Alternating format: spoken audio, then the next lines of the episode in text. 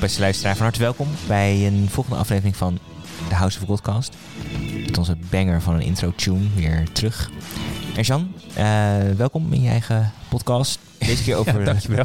over, uh, over sepsis. En Jan, ja, um, ik waarom? heb wel wat verzoekjes over binnengekregen over klopt, sepsis, uh, klopt. denk ik. Ja. Ja. ik vind het leuk, want het sluit denk ik aan op, veel afleveringen die we gemaakt hebben. Koorts, ABCDE, eigenlijk van alles. En ja, het wordt een beetje te pas en te onpas gebruikt, die term uh, sepsis. En je komt het overal tegen. En, uh, Zoals laatst op het nieuws. het, in het nieuws is het een soort sepsiscampagne zelfs toch? Van, dan kreeg je iemand en die zegt, ja, toen had ik sepsis en ik was echt eh, een paar weken knetterziek. En een half jaar later kon ik nog steeds uh, amper iets. Dus uh, dat was een beetje de patiëntenkant daarvan. Weet je dat ik ook best wel lang niet heb begrepen wat een sepsis was? Ook als had ik nog best wel een tijdje dat ik gewoon niet helemaal een helder beeld had van wat nou precies Nee, nou, ik kan je vertellen, is. Mensen die zeg maar in sepsis werkgroepen zitten, hebben ook niet echt een idee wat sepsis is als je de literatuur in gaat. shots fired, joh. ik gebruik in ieder geval nog een verouderde definitie, maar daarover later meer. Nee, dus je ernstig ziektebeeld, veel mortaliteit, tijdig herkennen, red levens. Um, super rewarding ook om het uh, goed te, te, zien en goed te behandelen. En heel leuk om uh, betrokken bij te zijn bij diagnostiek en behandeling als co-assistent, denk ik. Dus, um, En zeker inderdaad ook op de SCH bevredigend om, uh, om te behandelen, sepsis. Ja, ja, ja maar kan, ja, kan overal. Dus uh, reden genoeg, uh, denk ik. Dus hoog tijd om dit uh, onderwerp te bespreken in, in de House Podcast. Ja, denk het ook. Ja, zoals altijd misschien goed om even te spreken. Wat, wat gaan we eigenlijk uh, bespreken, Tim? Ja, we gaan bespreken wat een sepsis is. Dus voor de, mijn jongere ik, zodat hij ook weet wat een sepsis precies is en hoe je het vaststelt. We gaan bespreken, is het een ernstig probleem? Spoilers, ja. Een stukje pathofysiologie gaan we het over, over bespreken. Wat zijn de symptomen en met name ook hoe behandel je het? En het ons wel leuk om aan het einde, als we er toch mee bezig zijn, om misschien ook even ermee te spelen en een, um, een soort ABCDE-gerichte casus ook te, te presenteren. Dus dat, dat is denk ik voldoende voor Ga een Tim hele... aan een soort scenario-training onderwerpen, Ah, denk ik. Cool. ja, ja. Het, Het is eh, niet een sepsis, nee. ja, leuk, ja. En, en begin denk ik dan met die definities bespreken. En daar, ik ging dus blijkbaar de mist in. Want als we het over een sepsis hebben in het ziekenhuis, dan is iedereen het erover eens dat we het hebben over een ernstige infectie. Waarbij dat leidt of in de nabije toekomst zou leiden tot uh, orgaandysfunctie of orgaanfalen. Maar wanneer je nou precies spreekt over een sepsis, ja, daar, dat, dat is niet een heel vast omlijnd uh, syndroom. En zo gebruikte ik eigenlijk uh, criteria die uh, verouderd waren. Dus er waren zogenaamde sepsis 2 criteria. En die hielden aan dat iemand moest voldoen aan de SEERS-criteria. Dat is eigenlijk een systemische inflammatoire respons, denk ik. Dat het, uh, Ja, dat Systemic Inflammatory Response Syndrome. syndroom. Ja, precies, ja. Um, uh, en dus dat waren tekenen van inflammatoire respons. En ik hield dat aan. En wat daarin zat was dat je dus... eh, Vier criteria waren dat, dat je er daar twee van had. En dat was of een teveel of tekort aan witte bloedcellen. Een versnelde ademhaling. Een tachycardie. En uh, een koorts of ondertemperatuur. En als je twee van die tekeningen had... en je had ook nog aanwijzing voor een infectie... dan sprak je van een sepsis. En dat principe dat geldt denk ik nog steeds. Alleen officieel um, zijn die sepsiscriteria wat veranderd en gebruiken mensen nu, als ze moderner zijn, de SOFA of de Q-SOFA-score. Ben jij zo modern, Tim? Doe je dat ook? Ben ik zeker. Ik vind uh, Sears heel erg 2017, als ik uh, zo vrij mag zeggen. Heel, wat je zegt, je combineert inderdaad een bacterie, of in ieder geval niet eens een bacterie per se, maar een ernstige infectie, gekoppeld met een soort van ja, te veel aan immuunrespons daarop. Dat is een sepsis, right? En dan heb je natuurlijk die, die, die Sears-criteria, maar nu heb je wel eens patiënten die een Sears-criteria scoren, maar die eigenlijk niet super ziek zijn. En dan denk ik, ja, dit is, ja. dit is denk ik geen sepsis. Dan heb je ook, en ik ben meer een Q-SOFA kind of guy, uh, waarbij je dus andere criteria gebruikt, waarbij je de SOFA-score gebruikt, of de Quick SOFA-score. En dat is een, met name een score van orgaanfalen. Dus dat neemt niet zozeer in, dat, dat focust zich eigenlijk niet zozeer op de infectie die ten grondslag ligt aan de sepsis, maar die focust zich met name op het orgaanfalen. En nu heb je dus twee, je hebt een, je hebt een, een, een hele uitgebreide SOFA-score, waarbij als je boven een bepaalde score komt, dan, uh, dan heb je een, officieel een sepsis. Nou, die gebruikt denk ik niemand, want dan moet je echt zo'n tabel erbij pakken. Ja, oké, okay, intensive care, ja, fair ja, ja. Maar dus, hij zegt, ik ben wel een Q-SOFA kind of guy, dat je de Quick SOFA-score gebruikt. En met die Quick SOFA-score kijk je naar de polsademhaling en bewustzijn. En als je daar dan bepaal, boven bepaalde waarden zit, uh, dan kom je dus op de diagnose van een sepsis. En dan vind je eigenlijk mensen, die identificeer je, die een infectie hebben, maar ook wel echt een hoog risico hebben op, om, hier, om hier aan te gaan overlijden. Dus als iemand een Q-SOFA-score heeft die verhoogd is, dan denk je, oh ja, dit is blijkbaar iemand met een sepsis, met een bacteriële infectie, die ook wel deze tekenen van orgaanfalen heeft. Dus nogmaals, pols, ademhaling, bewustzijn. En dan heb je een, sorry, dat is de, dat is de SOFA, toch? Ja, dat is de Q-SOFA. Ja, precies. Ja, ja. ja.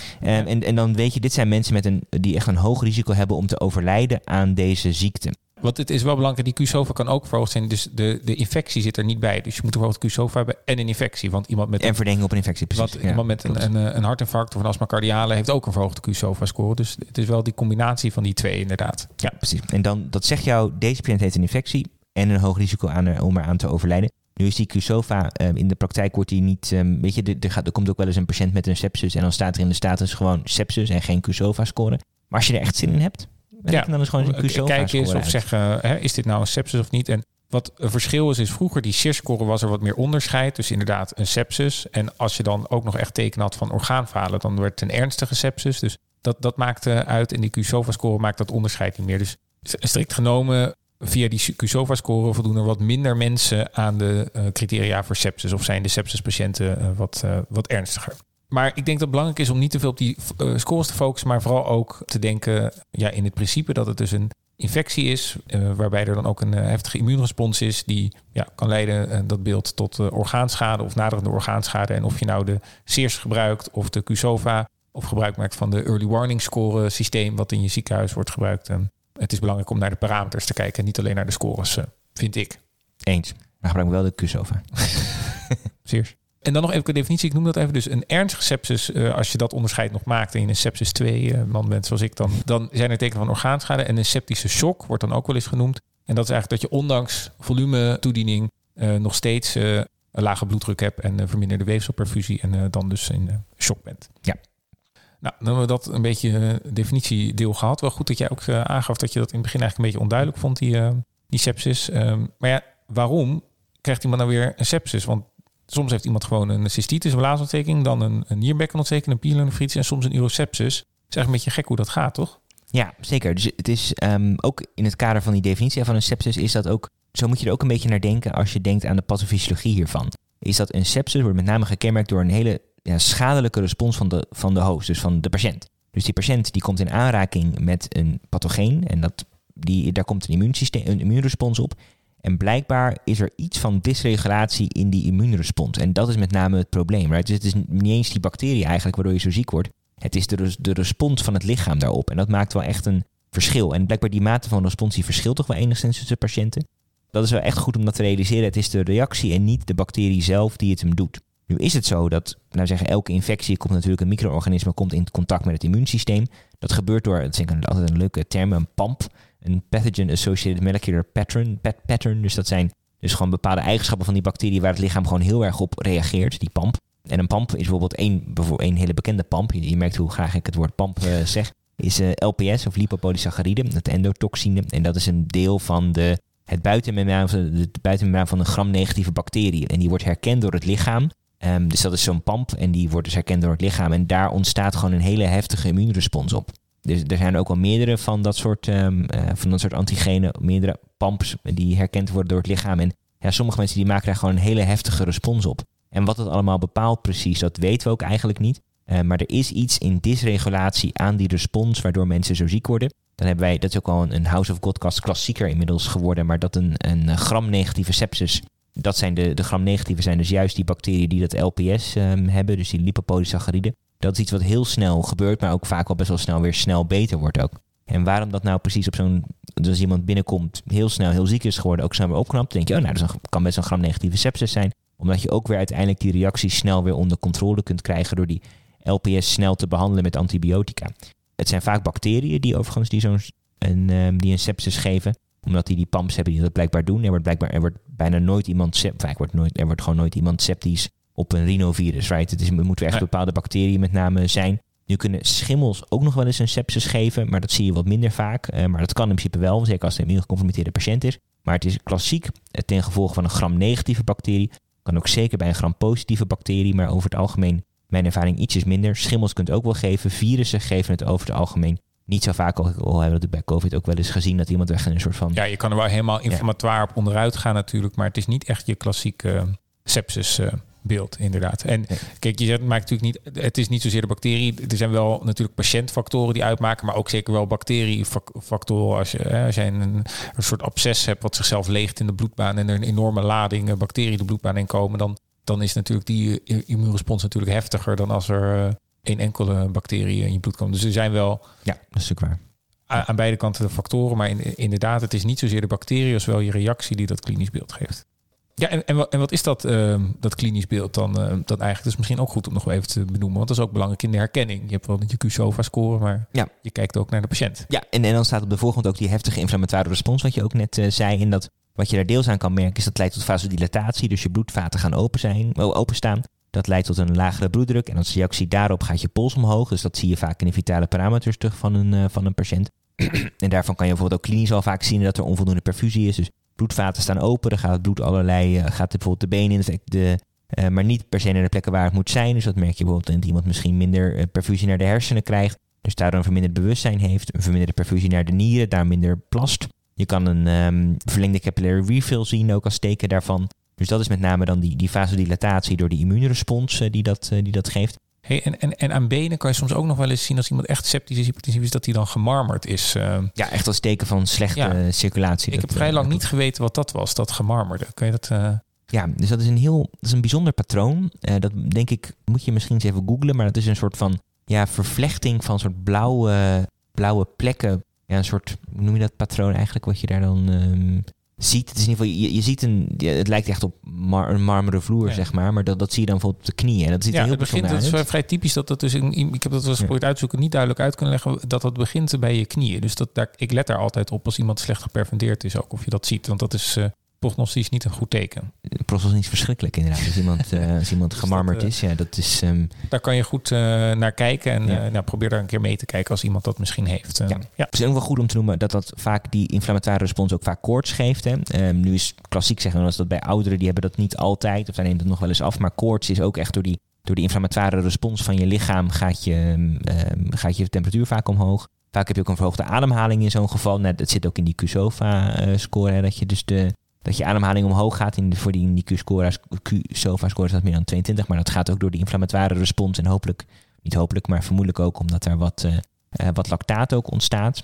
Dus dat is ook vaak een teken van, uh, van een sepsis en verhoogde lactaatwaarde. Dat meet je natuurlijk in het bloed. Um, dat heeft deels te maken met het feit dat er wat minder O2 naar je weefsels komt. En daar, als reactie daarop gaat je, je, je orgaan ook wat meer lactaat produceren. Heeft ook iets genuanceerder dan dat, maar zo kan je het over het algemeen wel, wel onthouden. Dus dat zijn allemaal dingen die je zowel in het laboratorium als bij de kliniek van die patiënt kan zien. Dus hoge bloeddruk, of sorry, lage bloeddruk, hoge pols, hoge temperatuur en hoog lactaat. Dat zijn een beetje de dingen die je bij een sepsis kunt verwachten. Ja, en snelle ademhaling dus. Uh. Ja, exact. Van alles dus uh, in ieder geval. En het is dus heel belangrijk om dat op tijd te herkennen. En als jij je hypotensieve patiënt met 39,5 krijgt die al twee dagen pijn heeft met plassen, ja, dan, dan is die diagnose niet moeilijk. Maar soms is het toch wel uh, lastiger. Dus het is goed om er echt wel alert op te zijn. En je wil dus op tijd herkennen, maar je wil ook herkennen waar die sepsis nou vandaan komt. Hè? Want oké, er zit een bacterie in de bloedbaan die dit beeld geeft, maar waar komt die vandaan? En dat is qua terminologie nog wel van belang, want er zijn dan ziektebeelden en dan plakken we dan sepsis uh, aan vast. Dus misschien goed om er daar een paar van uh, de ether in te strooien om te verklaren wat dat eigenlijk betekent. Zeker. Toen heb je dus de cholangiosepsis, waarbij het dus vanuit de, de galwegen komt. Dus als daar iets van obstructie zit, dan krijg je een cholangiosepsis. Dat zijn dan met name gram-negatieve die uit de ja, galwegen mensen komen. Mensen zijn heel ziek, heb ik altijd het ja, idee. Ja. Zeker, zeker. De urosepsis vanuit de urinewegen. De pneumosepsis vanuit de longen. De meningococcocepsis vanuit een meningitis. Um, en dan heb je natuurlijk ook nog bacteriëmieën vanuit uh, andere plekken. Bijvoorbeeld stel je voor iemand heeft een, uh, een Staphylococcus aureus bacteriëmie. Dan kan het ook vaak tot een septisch beeld leiden. Misschien heeft die patiënt wel een endocarditis of wat dan ook. En natuurlijk ook nog de Wekerdele-infectie. Dan heb ik het idee dat net wat minder vaak een sepsis wordt. Dat wat langer vaak een beetje lokaal aan het broeien is. Een, uh, een huidinfectie bijvoorbeeld, maar ja. een, een, zeker een huid- of een wekendelinfectie kan ook echt wel een... Uh, je hebt ook hele ernstige, uh, diepe, diepe wekendelinfecties natuurlijk. Die ja. kunnen zeker een septisch beeld geven. Ja, ja, zeker. Dus het kan min of meer... Elk orgaan wat je hebt kan ook wel min of meer ontsteken en een, um, een sepsis geven. Maar ik denk dat met name cholangiosepsis, urosepsis, pneumosepsis, meningococcocepsis en wekendelinfecties denk ik een beetje degene waar je het meest, uh, waar je het meest rekening mee moet houden. Ja. En soms heeft iemand dan duidelijke klachten en dan, dan heb je snel een focus voor de klacht. Iemand heeft net een stent in zijn galweg gehad of iemand had last met plassen, maar soms niet. En ja, we hadden het al een beetje over die gram-negatieve sepsis, hè, dat je daar weer toch wat meer hypotensie hebt en dat, dat je soms proberen we dan toch aan het klinisch beeld een beetje te zeggen, oh, dit is een gram-negatieve sepsis. Hè, maar dat ik, weet eigenlijk niet of dat uh, helemaal met medische literatuur onderbouwd is. Ik ook niet, maar praktisch wel. Hè, dat, we hadden het net ook even net over het lipopolysaccharide wat op die gram-negatieve bacterie zit. Dat zijn echt mensen die super ziek binnenkomen en die je dan de volgende ochtend terecht op in bed ziet, zeg maar. En dat, dan zeg je vaak, dit is de kliniek van een gram-negatieve sepsis. En het is leuk om dat te zeggen en later uit de bloedkweek ook een E. coli te krijgen. Ja, zeker weten. Ja, klopt. Dus dat is dat. Maar goed, ook mensen kunnen heel ziek worden van een gram-positieve sepsis. Maar toch heb ik altijd het idee dat bij de gram-negatieve wat uh, heftiger is. Het is niet zo dat je, zeg maar zeggen, dat je bent wel heel erg gutsy als je dan gewoon zegt, ik dek alleen maar gram-negatieve bacteriën in zo'n geval. Ik zou gewoon lekker breed doen. Maar um, het is, dat is klassiek een beetje hoe je dat kan, of hoe dat vaak in de, in de, de kliniek wordt uh, verteld aan je. Ja, en je probeert met name ook uh, met, met, uh, als dat goed mogelijk is, of deels een heteroanamnese, maar anders gewoon anamnese natuurlijk ook erachter te komen waar die sepsis vandaan komt. Dus ik vraag meestal na je eerste stabilisatie of iemand misschien pulmonale klachten had, of iemand plasklachten had, wondjes of recente ingrepen. En de tandarts is daar ook wel Ja, van belang, want je zeker kan weten. goed een bacteremie na een tandheelkundige ingreep hebben. Sterker nog, ook volgens mij elke keer als je tanden poetst heb je een klein beetje bacteriëmie. Nou, het is interessant dat uh, er was een patiënt uh, bij ons en die had koorts en Mhm. uh, slechte afweer. En die uh, mijn bloedkweek afgenomen en die ging weer naar huis. En toen werden we opgebeld dat hij toch een streptokok salivarius bacterie heeft. Dus die zit in de mondholte, maar Ja. totaal geen klachten. Maar ja, geen afweer. Dus dat is dan uh, was wel ingewikkeld. Ja, en toch maar weer opgenomen en behandeld. Maar degene met wie ik het erover had, die zei misschien heeft de patiënt gewoon zijn tanden gepoetst. Ja, Dus uh, heb daar moest ik aan denken. Ja. Ja, ja, klopt. Volgens mij elke keer als je tanden poetst heb je een klein beetje risico. Alleen ja, als je Eh, granulocyten hebt, dan, uh, dan uh, wordt het wel in de probleem. kiem ge- gesmoord, maar niet Ja. altijd. Nee. Dus uh, de tand uh, en ja, nou, gastrointestinale klachten.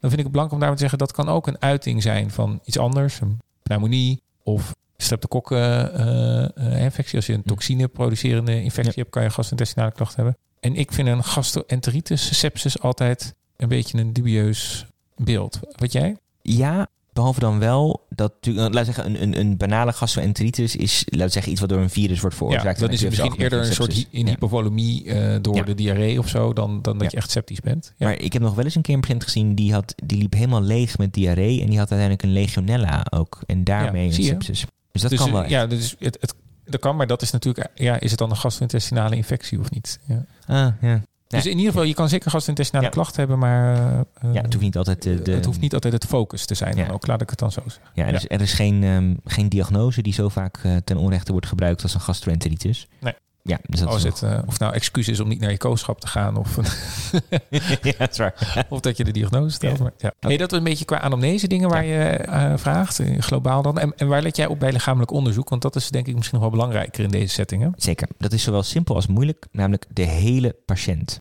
Uiteraard, weet je, iedereen luistert wel naar de longen, die luistert wel naar het hart, maar je moet echt even de hele patiënt nakijken. En dus check de huid, de hele huid. Check ook echt gewoon, gewoon het genitale, het anale gebied. Hè. Dat, daar kunnen ook echt ernstige WKD-infecties zitten. Kijk, doe de sokken uit. Check dus gewoon echt het hele lichaam. De huid is nog belangrijk. Dat, dat beteggen kunnen nog eens een meningokokkencepsis eh zijn. Of het kan er een teken van zijn als er ook niks stijf bij zit, dan zeker. En een pijnlijk abdomen, hè, bijvoorbeeld denk bijvoorbeeld aan een geperforeerd orgaan. Of met name die cholongitis waar we het eh, net over hadden. Dus kijk je hele patiënt na. Je hebt geen excuus om niet de hele patiënt na te kijken. Nee, nee dat is eh, zeker heel belangrijk. En je kan ook macroscopisch bijvoorbeeld nog naar Als je nog een keer het verhaal van die voet. Die, eh. Elke aflevering. Nee. Nee, wel belangrijk is om ook, je kan soms, eh, is de diagnose heel snel gesteld bij een urosepsis als gewoon je de urine ruikt of ziet, dan, dan ben je eigenlijk al klaar. Dus je kan het naar het lab opsturen, maar soms loont het ook om even te kijken wat er je naar het lab stuurt. Want ja, ik heb een keer een keer pure pus, gewoon naar een. Ja. katheter. Ja, en dat, Ja. Dat, dat kan dus gewoon echt. Ja. Ja. Dus eh nou, daar kan je ook eh, kijken ook naar wat er uit de patiënt komt. Doen we ook nog eh, diagnostiek om ons te helpen? Want we kijken de patiënt natuurlijk na, maar we hebben gelukkig wel wat hulpmiddelen. Hè? Zeker als je op een eerste hulppatiënt ziet. Ehm, Zeker. ehm, wat, wat, wat zou je ze al doen in algemene zin bij een sepsis? Als je ook maar iets doet aan aanvullend onderzoek, laat het dan alsjeblieft een bloedkweek zijn. Dat heel veel dingen kun je misschien ook nog wel met lichamelijk onderzoek doen. Of een aantal dingen die kun je ook wel deels met lichamelijk onderzoek ook proberen een beetje te benaderen. Maar in ieder geval kweken, kweken en kweken. En zeker neem je bloedkweken af voordat je er antibiotica, als het even kan, bloedkweken voor antibiotica. Bloedkweken, bloedkweken, bloedkweken. Wat een heel handig middel is, is een bloedgas. En daar hebben we nog wel eens gehad in deze aflevering ook. Maar dat geeft je ook een beetje een idee over die lactaat waar we het eerder over hadden. Sepsis gaat omhoog, of lactaat gaat omhoog bij een sepsis. Hoe hoger je lactaat, hoe slechter je prognose. Dus dat zegt ook wel iets of je, hm, hoe, hoog je lactaat is. Plaats een katheter om urineproductie bij te houden. Neem dan ook direct je urinediagnostiek af. Dus denk aan sedimentje en een kweek. Thoraxfoto, niks mis mee doen om te kijken of er misschien een pneumosepsis is als je niks hoort over de, over de longen. De rest die doe je vervolgens in principe op indicatie. Als je het allemaal aan het doen bent, vraag ook direct aan je verpleegkundige of die twee goed lopende infusen kan plaatsen. Want het is belangrijk dat je zowel volume kan geven, daar komen ze dadelijk ook op hoor, maar dat je volume kan geven en antibiotica kan geven. Maar als je iets doet aan aanvullende diagnostiek, bloed kweken. Ja, helemaal mee eens. En eigenlijk is dit dus best overzichtelijk. En natuurlijk, als je een specifiek quote hebt, dan moet je dat doen. Maar dit pakket aan diagnostische maatregelen is eigenlijk vrij uh, beperkt. En je zal zien dat je dat ook eigenlijk in je ABCDE al helemaal kan incorporeren. En je meteen eigenlijk dat allemaal gedaan hebt. en behalve bloedkweken, kweek ook al het andere wat je kweekt. Dus als iemand ergens pus uitkomt of een wond of zo, uh, kweek alles. Want dat is echt belangrijk voor de verdere behandeling. En dat is een mooi bruggetje naar uh, de behandeling. Want um, ja, bij de behandeling van sepsis moet je denk ik een beetje aan bepaalde principes houden. Voor op de specifieke onderdelen ingaan, misschien goed om die principes een beetje te benoemen. Zeker. Ik um, zal proberen dat een beetje te schetsen. Er, is, er zijn over weinig dingen zoveel, zo vaak geschreven, denk ik, als behandeling van een sepsis. Maar ik zal je proberen een beetje samen te vatten wat daar in principe de, wat mij betreft, belangrijkste doelen in zijn. Of met name belangrijkste principes zijn. De gedachte is, is dat als, je, als het begint met gewoon een bacterie in je bloed, of gewoon een bacterie in je bloed. Het begint met een bacterie in je bloed en vervolgens heb je een toenemende gradatie aan ernst van de inflammatoire respons. Dus dat begint met een minder ernstige sepsis, misschien wel Ernst Janssen Sears. Dat wordt dan vervolgens een, uh, een sepsis. Dan vervolgens mijn Q-SOFA, dan vervolgens een ernstige sepsis en vervolgens een septische shock. Dus daar zitten gradaties in en dat vormt ook de basis van een hele vroegtijdige doelgerichte therapie, ook wel de early goal-directed therapy, waarbij de gedachte is dat als je nou heel snel ingrijpt in deze progressie, dat je dan die hele abrupte overgang naar een ernstige ziekte kan voorkomen. Dus wat moet je dan in principe doen om dit zeg maar te voorkomen in een vroeg stadium? Is eerst identificeren wat nou, wie is nou hoog risico? Nou, daarvoor dus die QSOFA. Vervolgens zorgen dat je, snel, dat je snel iets gaat doen om de bron te behandelen, namelijk dus die antibiotica. En vervolgens moet je ook zorgen dat de inflammatoire respons die al speelt, dus die, die wordt veroorzaakt door die bacterie, dat je die ook snel probeert te corrigeren met het optimaliseren van je, uh, bloed, van je bloedtoevoer naar je organen. En het optimaliseren ook van je hoeveel zuurstof dan terechtkomt in je organen. Dus dat zijn een klein beetje de principes. Identificeren en dan vervolgens snel ook daar zorgen dat je de bron van de, van de sepsis wegneemt. En dat je vervolgens in de tussentijd zorgt dat je ook de patiënt hemodynamisch optimaliseert. Nou, Vervolgens zijn er dus een aantal, en dat, dat, dat was dan die, die early goal-directed therapy, waar je misschien in de praktijk wel eens wat over hoort. Ja, met, en de golden hour zit er. Oh ja, daar hoort de golden hour ja, bij. golden hours is dat eerste uur waarin je dan echt wel belangrijke winsten kan presteren. Binnen dat uur moet die antibiotica er, erin zitten en je gestart zijn met je volume. Ja, precies. Dus dat je dan niet zeg maar hoort van, oh, uh, je, er is een sepsis voor je binnengekomen. En ik zeg, oh, oké, maar mijn kroket wordt koud. Ik kom over een uurtje kom ik, uh, kom ik eraan. Dus dat is de, de golden hour is dus dat je snel handelt en dat je er daarbij in die eerste behandeling bepaalde doelen voor ogen hebt waar die patiënt de doelen die jij moet halen om de, om dus, om de uitkomst te verbeteren voor jouw patiënt. En dat betekent met name een, een mean arterial pressure van gemiddelde arteriële druk van ongeveer 65 mm kwik en urineproductie ongeveer van 0,5 ml per kilogram per uur. Dus iemand vraagt hoeveel urineproductie mik je op? Een halve milliliter per kilogram per uur. Nu is aangetoond dat als je dat haalt in die eerste uren, dat het sterftecijfer van jouw patiënt enorm omlaag gaat. Dus daarom probeer je dus in die golden hour snel in te grepen, snel antibiotica en snel die volumeresuscitatie, om te zorgen dat je die doelen haalt. En zo kun je dus de mortaliteit verbeteren. Ja, en misschien goed om nog even te zeggen, want die mean arterial pressure, ik weet niet zeker of we dat eerder genoemd hebben. Misschien heeft iedereen, niet iedereen dat dan geluisterd, maar dat is eigenlijk een beetje de area under the curve van je uh, bloeddruk. Hè? Dus uh, als je continu bloeddrukmonitoring doet, dan, dan weet je die betrouwbaar. En anders kan je een, uh, een rekensommetje gebruiken om die uit te rekenen. Was dat... Nou ja, dit ben ik nu aan het googlen, want we, zijn, we hebben dit in een eerdere aflevering, hebben wij dit volgens mij een keer verkeerd verteld. Ah, dus dan gaan we het nu echt even goed vertellen. Ik druk even op pauze. Oké, we hebben het. Het is dus een benadering van die area under the curve. En die kan je krijgen door de diastolische bloeddruk op te tellen bij een derde keer het verschil tussen je systolische en je diastolische bloeddruk. Ja.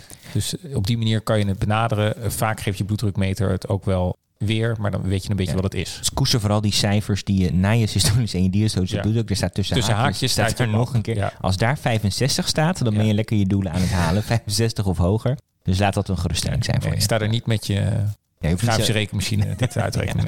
Oké, okay, een heel belangrijk onderdeel is volumetherapie uh, dan om dit dus te bereiken. Hoe, begin je? Wat, wat, geef je en hoeveel? En uh, ja, ja dus, praktische tips. Ja, zeker. Dus hiermee wil je dus je weefselperfusie verbeteren. Um, dus hiermee om ook dus je orgaanperfusie te, te verbeteren. En ook idealiter zie je ook een beetje of dit nou werkt doordat je lactaat omlaag gaat. Nou, wat doe je dus? Je kan, er zijn verschillende smaken voor. Als iemand enorm hypotensief is en het is echt nu of nooit, dan wat je dan doet is dan breng je gewoon grote infusen aan en dan knijp je de zak leeg. Uh, als het echt zeg maar zo ernstig is dat die patiënt niet meer reageert, bijna geen meetbare bloeddruk heeft, Dan eh, hang je een infuus aan en dan vraag je of een verpleegkundige om. Dan ben je de IC en dan daarna vraag je of de verpleegkundige eh, of jij zelf een zak leeg drukt. Ja, zeg je maar, hebt ook zo'n drugzaksysteem. Of een drugzak, ja, zeker. ja. Ehm, alles wat daartussen is, is met name dat je vaak bolussen aan vloeistof gaat geven.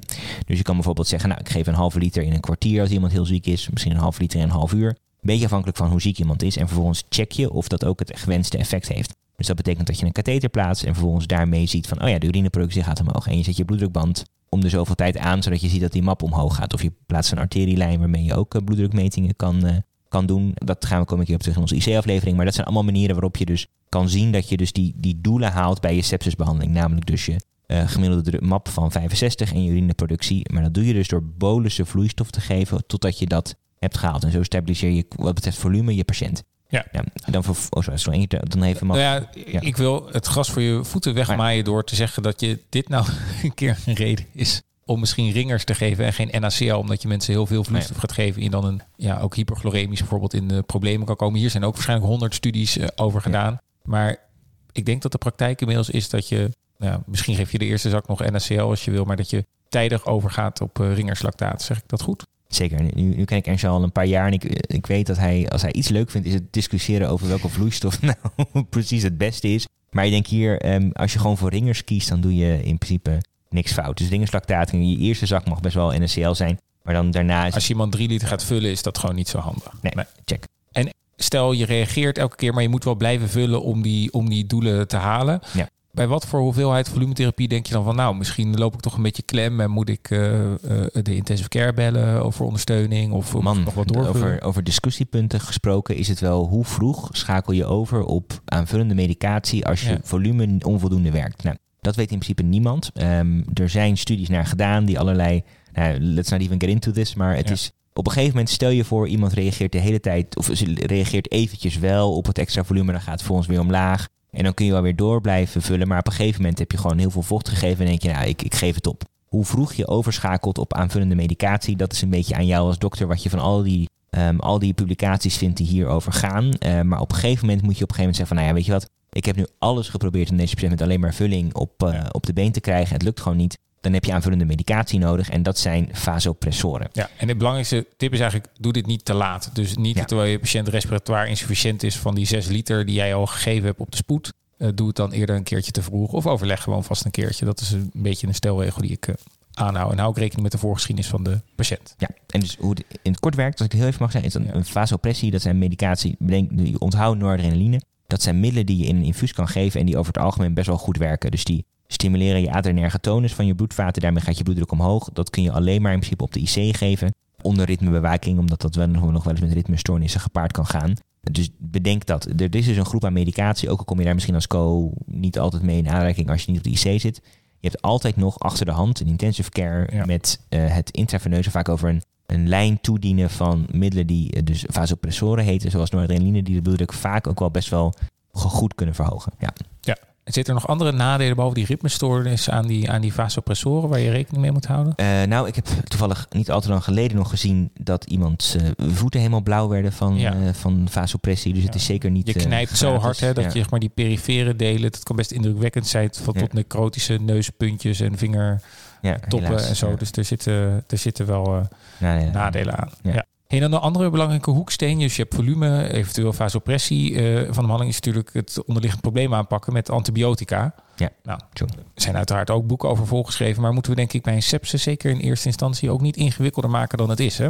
Nee, geef gewoon, geef gewoon geef antibiotica die zowel je gram-positieve als je gram-negatieve dekken. Als je cefuroxim en gentamicine geeft, dan doe je over het algemeen niet zo heel erg veel. Cefuroxim is een, een beetje voor je gram-positieve, gram, uh, of gentamicine is voor je gram-negatieve. Elk afzonderlijke antibiotica heeft dat resistentie, maar er zijn over het algemeen weinig antibiotica die voor beide ongevoelig zijn, maar een paar procent. Dus als je iemand hebt die ernstig ziek is en je wil snel iets geven waarvan je zeker weet dat ik de meeste, anti, de meeste bacteriën wel pak, dan doe je weinig fout met cefuroxim genta. Ja, en, en, nou, ja, we komen daar zo dadelijk op. Maar en dat, andere um, ziekenhuizen hebben misschien net andere namen, maar het gaat inderdaad om dat je een breed spectrum antibioticum, uh, vaak een uh, cephalosporine latere generatie hebt, zoals cefuroxim, ja. en dan die uh, aminoglycoside, zoals gentamicine erbij ook voor de resistentie ehm, eh, en de extra dekking. ehm, Ja. En de resistentie dus die je tegen cefuroxim hebt. Ja. Ja. En dus bedenk dan met name dat je, je hebt natuurlijk op het moment dat iemand met een sepsis binnenkomt, heb je geen idee wat de bloedkweken van over Nee. van morgen of over overmorgen gaan zijn. Nou, bijna geen idee zou ik zeggen. Want je kijkt Oh. natuurlijk wel altijd naar eh, of iemand eerdere kweken heeft hè, en wat je daarin ziet. En als je daar een bepaald resistentiepatroon ziet, bijvoorbeeld iemand die is zo van het ziekenhuis geweest, al lang op het IC geweest en die draagt allemaal eh, heel resistente E. coli's bij zich die alleen gevoelig zijn voor, ik noem maar wat, uh, meropenem. Ja, is dan, neem je, dan start je dat. Dus dat is nog wel een, eh, Check even iets wat je meeneemt Ja. naar die kweken. Kan je goed in de voorbereiding doen voordat de patiënt er is. Ja. Nog één indrukwekkend feitje hierover als mag. Is dat dus één studie, en dat ging met name over die golden hour dus. Die liet dus zien, hou je vast, dat elke uur vertraging met het geven van adequate antibiotica leidt blijkbaar tot een afname van de overleving van 7%. Vind ik best wel shocking. Eh, dus met name zorg dus ook dat je snel antibiotica geeft als je iemand verdenkt van Ja. sepsis. En het is toch ook niet altijd overal, zeker niet op de verpleegafdeling, eh, is iedereen zich daar even van doordrongen. Dus je moet Ja. bij dit soort dingen dus zeggen, hè, ik wil toch graag dat je bloedkweken afneemt. En het is belangrijk dat er nu zo snel mogelijk antibiotica wordt klaargemaakt en aangehangen aan de patiënten. Niet eerst nog zeg maar een zakje medicatie wat nog aanhangt door laten lopen of eh, eerst de zak NaCl. Het moet er gewoon in, zonder vertraging. Ja, en de enige uitzondering is kweken. Dat is nog de enige. Ja. Maar als een patiënt levensbedreigend ziek is, is antibiotica erin. Ook nog wel een goede is, als iemand maar ziek blijft, bedenk dan ook of je wel goede source control hebt. Dus dat, het is nog wel eens zo dat stel je voor, je hebt een, een soort van absces in de buik zitten. Daar kun je natuurlijk best antibiotica geven, maar als er elke keer een klein beetje weer bacterie uit dat absces insiepelt, dan maakt het ook nog wel eens lastig. Dus onderzoek heeft ook laten zien dat hoe sneller je zorgt dat je ook dat soort abscessen of dat je ehm, andere bronnen voor een persisterende infectie, dat je daar ook iets aan moet doen. Dus dat is ook wel de magische term source control. Is zorg dus dat je ook snel door hebt waar komt deze infectie vandaan. En moet ik nog iets doen om die bron ook weg te nemen? Zoals bijvoorbeeld een absces eh, draineren bijvoorbeeld. Dus denk daar ook aan. Dan hebben we best wel veel al eh, besproken over nou ja, wat is een sepsis, pathofysiologie. Kom je er een beetje achter of een sepsis speelt en ook of wat de mogelijke oorzaak is. We hebben Mhm. het gehad over behandeling en het leek ons dus wel aardig om eens een beetje dat te proberen in praktijk eh, te brengen met een eh, casus. Dus mijn idee was, eh Tim is hier medium van op de hoogte, is om een, eh, een soort casus te doen. Die komt naar de eerste hulp en aankondiging. Dat jij ons gewoon mee kunt nemen van wat jij dan ongeveer eh, eh, zou doen. Ja. En dan komt alles aan bod. En dan pakken we ook nog een beetje van onze ABCDE-aflevering van laatst mee in de Ah, praktijk. perfect. Oké, go. dus we gaan zien hoe dit eh, werkt. Dus stel jij hebt SCH-dienst voor de interne geneeskunde en de, Mhm. de ambulance of de, de en wat de verjaardag komt de ambulance aan. En was een mevrouw van 72 en die was sinds een dag eh, niet lekker, koorts, koude rillingen. De huisarts was la- langs en die meet een lage bloeddruk en de ambulance komt die patiënt zo brengen. Die is er over eh, 10 minuten. Kan jij die patiënt opvangen? Wat, op dat moment, wat zou je dan eh, doen? Oké, dus wat ik ga doen, ik heb dus even tijd denk ik om, de, om even minuten, voor te ja. ja. Oké, tien minuten. Oh ja, tien, ja, de patiënt komt er dus aan. Oké, ik open het dossier, kijken of ik de patiënt daar al toevallig bekend is. Wat ik ga doen is in ieder geval checken wat is er de laatste tijd met deze... Dat was een mevrouw geloof ik hè? Ja. ja. Wat is er recent met deze mevrouw gebeurd? Heeft ze bijvoorbeeld recente operaties gehad? Is ze misschien, weet je, als ze natuurlijk een paar dagen geleden een open buikoperatie heeft gehad, dan is dat misschien wel iets waar, dan, of dat, dat je misschien waar die sepsis vandaan komt. Heeft ze eerder operaties gehad die misschien wel iets te maken hebben met waarom ze nu een sepsis heeft? Of heeft ze misschien wel eens een, ehm, een, ehm, is de mild bijvoorbeeld verwijderd bij deze mevrouw bijvoorbeeld? Dat maakt je heel erg vatbaar voor een sepsis. Ik kijk ook welke medicatie ze gebruikt. Bijvoorbeeld stel ze gebruikt misschien al wel iets van onderhoudsantibiotica. Dan weet ik dat ik wat resistentie kan verwachten. Is ze misschien immuungecompromitteerd omdat ze al 30 jaar eh, prednison eh, gebruikt? En wat heeft ze eerder infectiologisch meegemaakt, denk ik? Heeft ze misschien al heel vaak infecties? Is ze misschien wel bekend met iemand die drie keer per jaar een urineweginfectie heeft? Zulke, eh, zulke gevallen hoor je af en toe gewoon. Ja, dus dan, dan is dat ook wel iets, denk ik, om op, om op te letten. En ook een beetje in het kader van, ja, wanneer schakel je nou over op vasopressie? Is het goed om te weten van hoeveel vocht zou deze mevrouw kunnen hebben?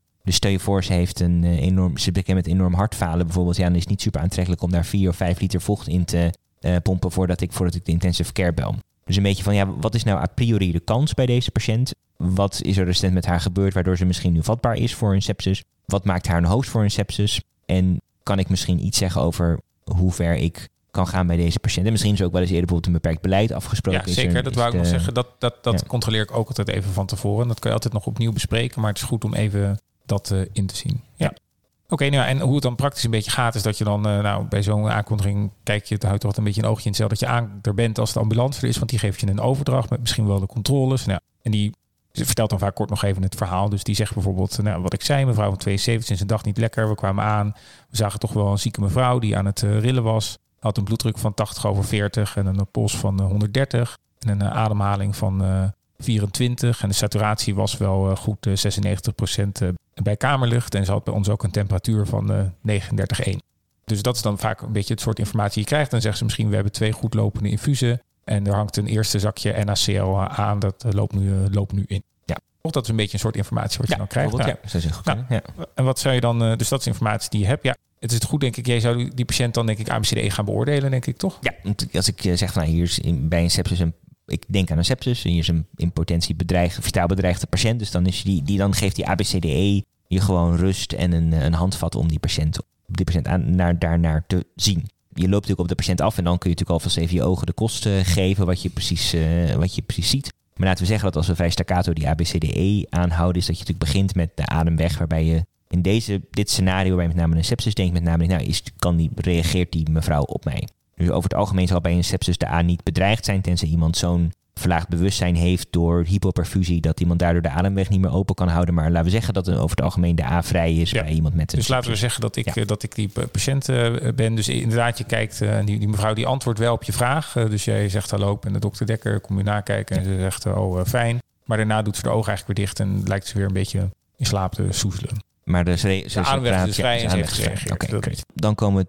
daarna wat daarna het meest bedreigend is. En dat is een probleem in de B. Dus de, de, B, dus breathing. Um, dus waar ik met name naar wil gaan kijken is... Je ziet al heel snel op de monitor een, um, een zuurstofsaturatie. Dus daar, eh, daar valt mijn oog vaak uh, direct op. En je kunt ook vaak wel direct instinctief iets zeggen van hoe snel ademt deze patiënt.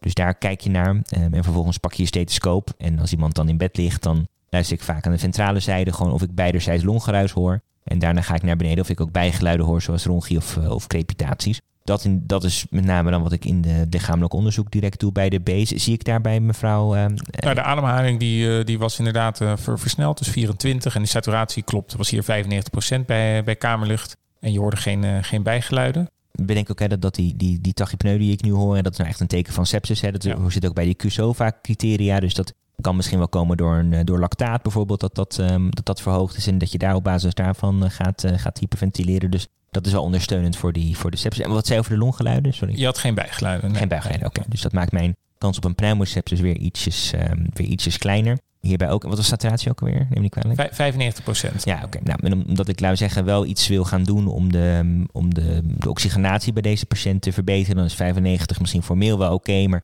we zijn nu bezig met een, met een opvang. Dus weet je wat, wat als dat wel niet gedaan was door de ambulancebroeders, dan geven we daar wat, uh, wat, uh, wat zuurstof bij dus dat is denk je therapie inderdaad. Je geeft wat zuurstofsuppletie, lijkt me zeker goed. En doe je qua diagnostiek nog iets in de B? Uh, dat je uh, ja, ik, ik zal alvast iets. Of? Ja, ik zal hier wel vragen aan de verpleegkundige of aan de co-assistent. Van, goh, kun je misschien een arterieel bloedgas afnemen? Want dat vertelt iets over de saturatie van, uh, van deze patiënt. Met een arterieel bloedgas, die heb je snel terug. Want je hebt, het is een point-of-care apparaat waarmee je direct eigenlijk een uitslag krijgt. Beter dan je venapunctie waar je echt even een half uurtje moet wachten. En heb je ook een lactaat, dus dat komen zo op, maar dat is wel, wel relaxed. En als ik me hier nou nu niet per se nu dat het direct een, um, een indicatie voor is, maar het kan wel in latere fase dat je een X-thorax maakt om een infiltratieve afwijking te, te zien. En inmiddels um, evalueer ik ook natuurlijk wat mijn O2-suppletie heeft gedaan, gegaande de weg. Um, ja, kijk, en met die bloedgas ook, ik doe die altijd gewoon lekker snel, want die heb je snel terug en dat is heel informatief. Ja. Dus ik, ik doe die ook altijd uh, liefst zo snel mogelijk. Ja, ook in je, in je differentiaaldiagnose, je, je denkt hier sepsis, maar stel je voor deze patiënt heeft enorme anemie bijvoorbeeld en, en is daarom in de problemen gekomen, dan heb je ook direct een hemoglobinewaarde waar je dat kan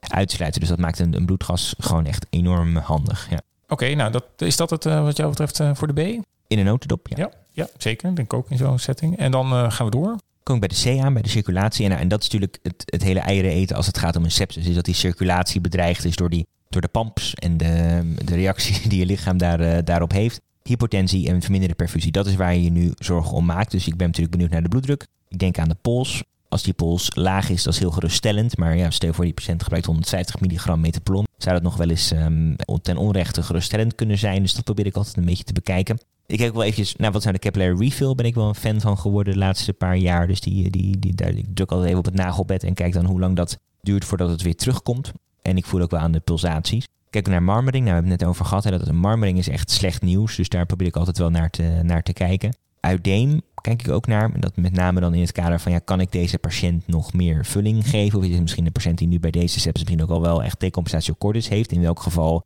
ik sneller naar een intensive care toe ga.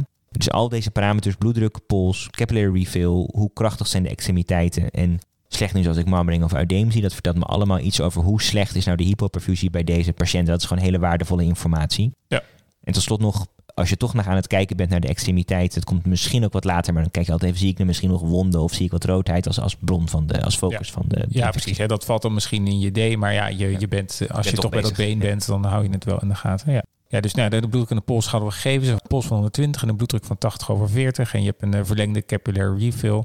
En je ziet verder geen uh, wonden of marmering of iets dergelijks. Wil je nog iets doen qua beleid of, uh, of ja. diagnostiek? hier, um, hier moeten we duidelijk iets aan gaan doen hè, aan, deze lage, aan deze lage bloeddruk. Want ik um, denk, ja, ik kan het dus zelf niet uitrekenen, maar ik denk niet dat hier een map van 65 in beeld nee, komt te staan. Nee. Dus daar, daar word ik onrustig van. Ik vraag dan aan de verpleegkundige om of aan de co-assistent om twee, uh, of ik doe het zelf, om twee infusen te, te plaatsen. Really, je doet het zelf?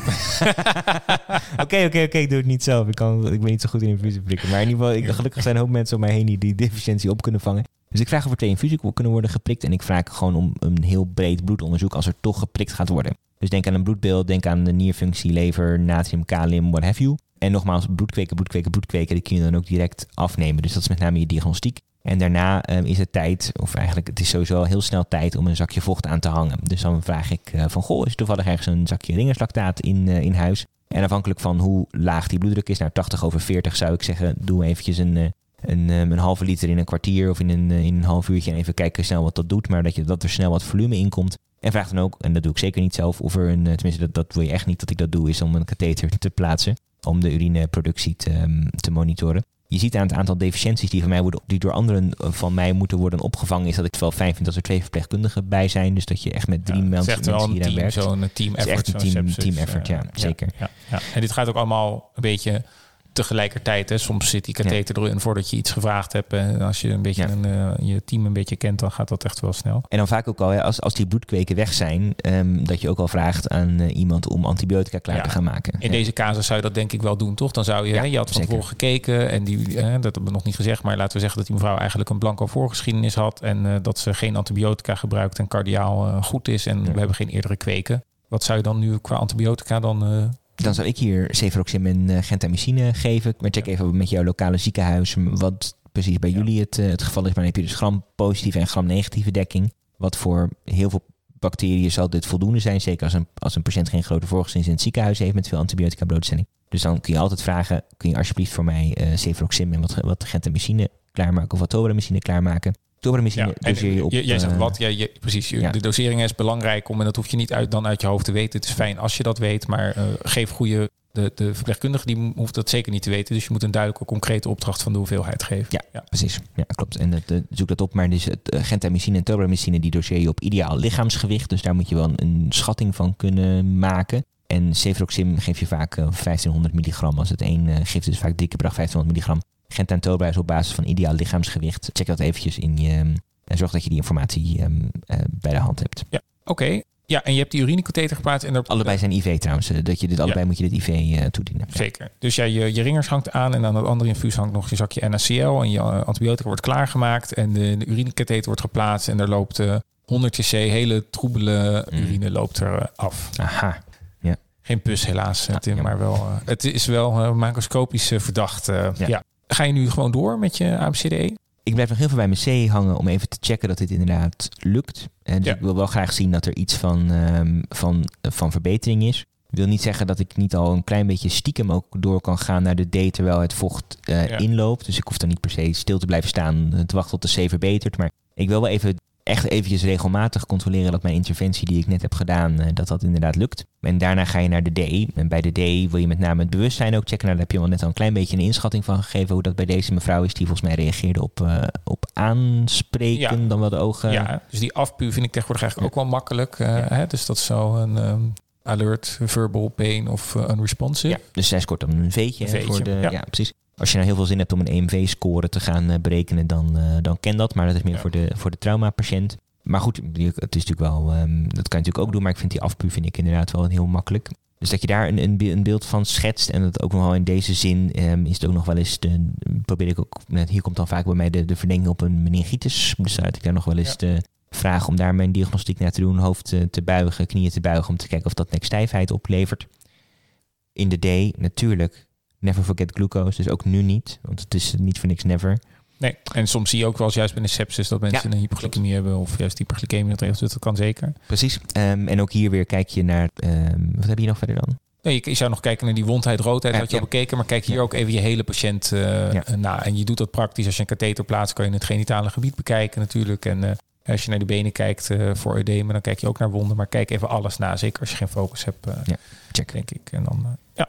En dan eh, gaan we naar de E. Ja, ja, in het kader van een sepsis zitten we dan met name bij de, de temperatuur. En ook dat is niet wat dat hebben we hadden het al. Het was eh, 39 geloof ik. 39,1 hè? bij de ja, precies. ja, Ehm, ja. ja, dus verder zijn er weinig dingen die in het kader van een sepsis bij de E heel belangrijk zijn. Maar ook dat is wel weer een, neem als alles als excuus om je patiënt nog even helemaal na te kijken. Maar het is met name hier dan eh, die, die E. Ja, en meestal hè, werk je dit af. Dit hoeft maar een paar minuten te duren. Maar dit is ook altijd het moment dat ik toch even kijk of je nog even met je patiënt kan praten. Hè. In het begin zeg je vaak van nou, u bent even heel ziek. U bent op de eerste hulp. We gaan nu even nakijken en een aantal dingen doen. Laat u maar gebeuren. En dan nu zou je toch nog eens kunnen vragen of iemand misschien al een beetje klachten heeft. Of misschien is er al een Ja. familielid die eh, kan zeggen oh, hoe lang Ja, dit nou al zeker. speelt. Hè. Dan komt er vaak wat meer informatie eh, binnen. En doe je dan nog wat? Want je staat met het hele team op de kamer en je hebt alles nu een beetje gedaan.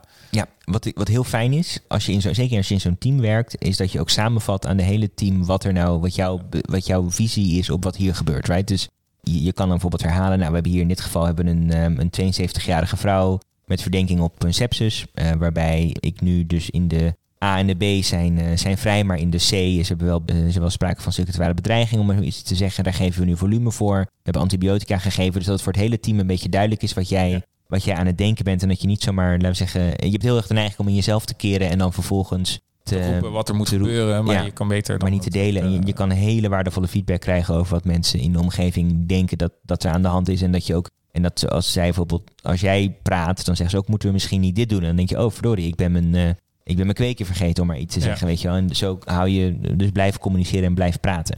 Want dan krijg je ook heel veel uit. En als mensen zeggen van, hé, maar moeten we niet een bloedonderzoek doen? Oh, en ja, misschien eh, denk jij dat iets nog wel gaat en vindt iemand anders van misschien moeten we toch wel de intensive care contacteren. Hè? Want dat is toch altijd dat punt wat bij zo'n sepsisopvang. Je wil wel zien dat je, dat je respons hebt. Hè? Daar gaat het nu niet per se op of deze mevrouw nou weer eh, bloeddruk krijgt of eh, plast of niet. Maar de, je neemt even de tijd. Maar ja, jij hebt daar een beeld bij. Iemand anders heeft er misschien ook een beeld bij. Als je co-assistent of semi-arts bent, heb je daar misschien ook minder ervaring mee. En die IC-verpleegkundige, die ziet er duizendste sepsispatiënt. Dus dat is ook, of de SH-verpleegkundige. Dus dat is ook wel echt iets wat je, wat je meeneemt, eh, denk ik. eh. Zeker weten. Nou, je bent helemaal geslaagd, eh, Tim, voor deze scenario-training. Oh, Oh, thank god. Ja, Ik moet zeggen, ik wel even. maar eh, accreditatiepunt. ja, fijn. Nee, maar ja, dus gewoon een beetje om praktisch te zien dan- dan- hoe, dat dan, hoe, dat, hoe dat dan in de praktijk een beetje gaat. Inderdaad, en stel jezelf niet on- onfeilbaar op. hè? Dus het is echt zo'n team effort waarbij je met elkaar het kan doen. Ook als je een keer wat vergeet bij de B of zo, dan, Ja. Je er met z'n allen toch? Ik had een keer ook een, ehm, toen was ik bij een opvang en toen zei ook de IC-assistent zei ook even van sorry, ik heb even een blackout. En toen was het ook, want je zag dat hij even Ja. aan het zoeken was naar wat hij moest doen en dat, dat hij dat zo open zei. Ja. Vond ik echt, want daardoor was iedereen, oh oké, nu moeten wij dit heel even opvangen, weet je. En dat in plaats van dat hij in dit geval zo een beetje voor zich uit bleef kijken en Ja. zei hij dat en dat vond ik wel mooi hoe het... ehm, we nemen de patiënt mee. ja. Right. Dan hebben we alle aspecten van sepsis wel een beetje gehad, eh, denk ik. Hè? Tenzij je nog heel Tot- even over volume wil discussiëren. Eh, ja, wij gaan hier nog even door over ringers of NaCl. Ja, maar eh, voor alle andere mensen Ja. doe ik nu alsof we nog opnemen, maar ga ik de aflevering beëindigen. Oké, top. Nou, dit was inderdaad weer voor deze, voor deze aflevering van, eh, van de House of Podcast. Ik vond het heel erg leuk dat je weer hebt eh, geluisterd. Eh, wij zijn natuurlijk altijd bereikbaar. Het voor al je opmerkingen, vragen of, ehm, wat dan ook. Ehm waardeer ons graag ook onze ehm, podcast op eh, Spotify. Dat, maakt echt mijn dag als ik zie dat dat eh, gebeurt. Waarvoor hartelijk dank. En dan zien wij, of dan hoort u de volgende keer weer van ons. Bye bye. Ja, hoi.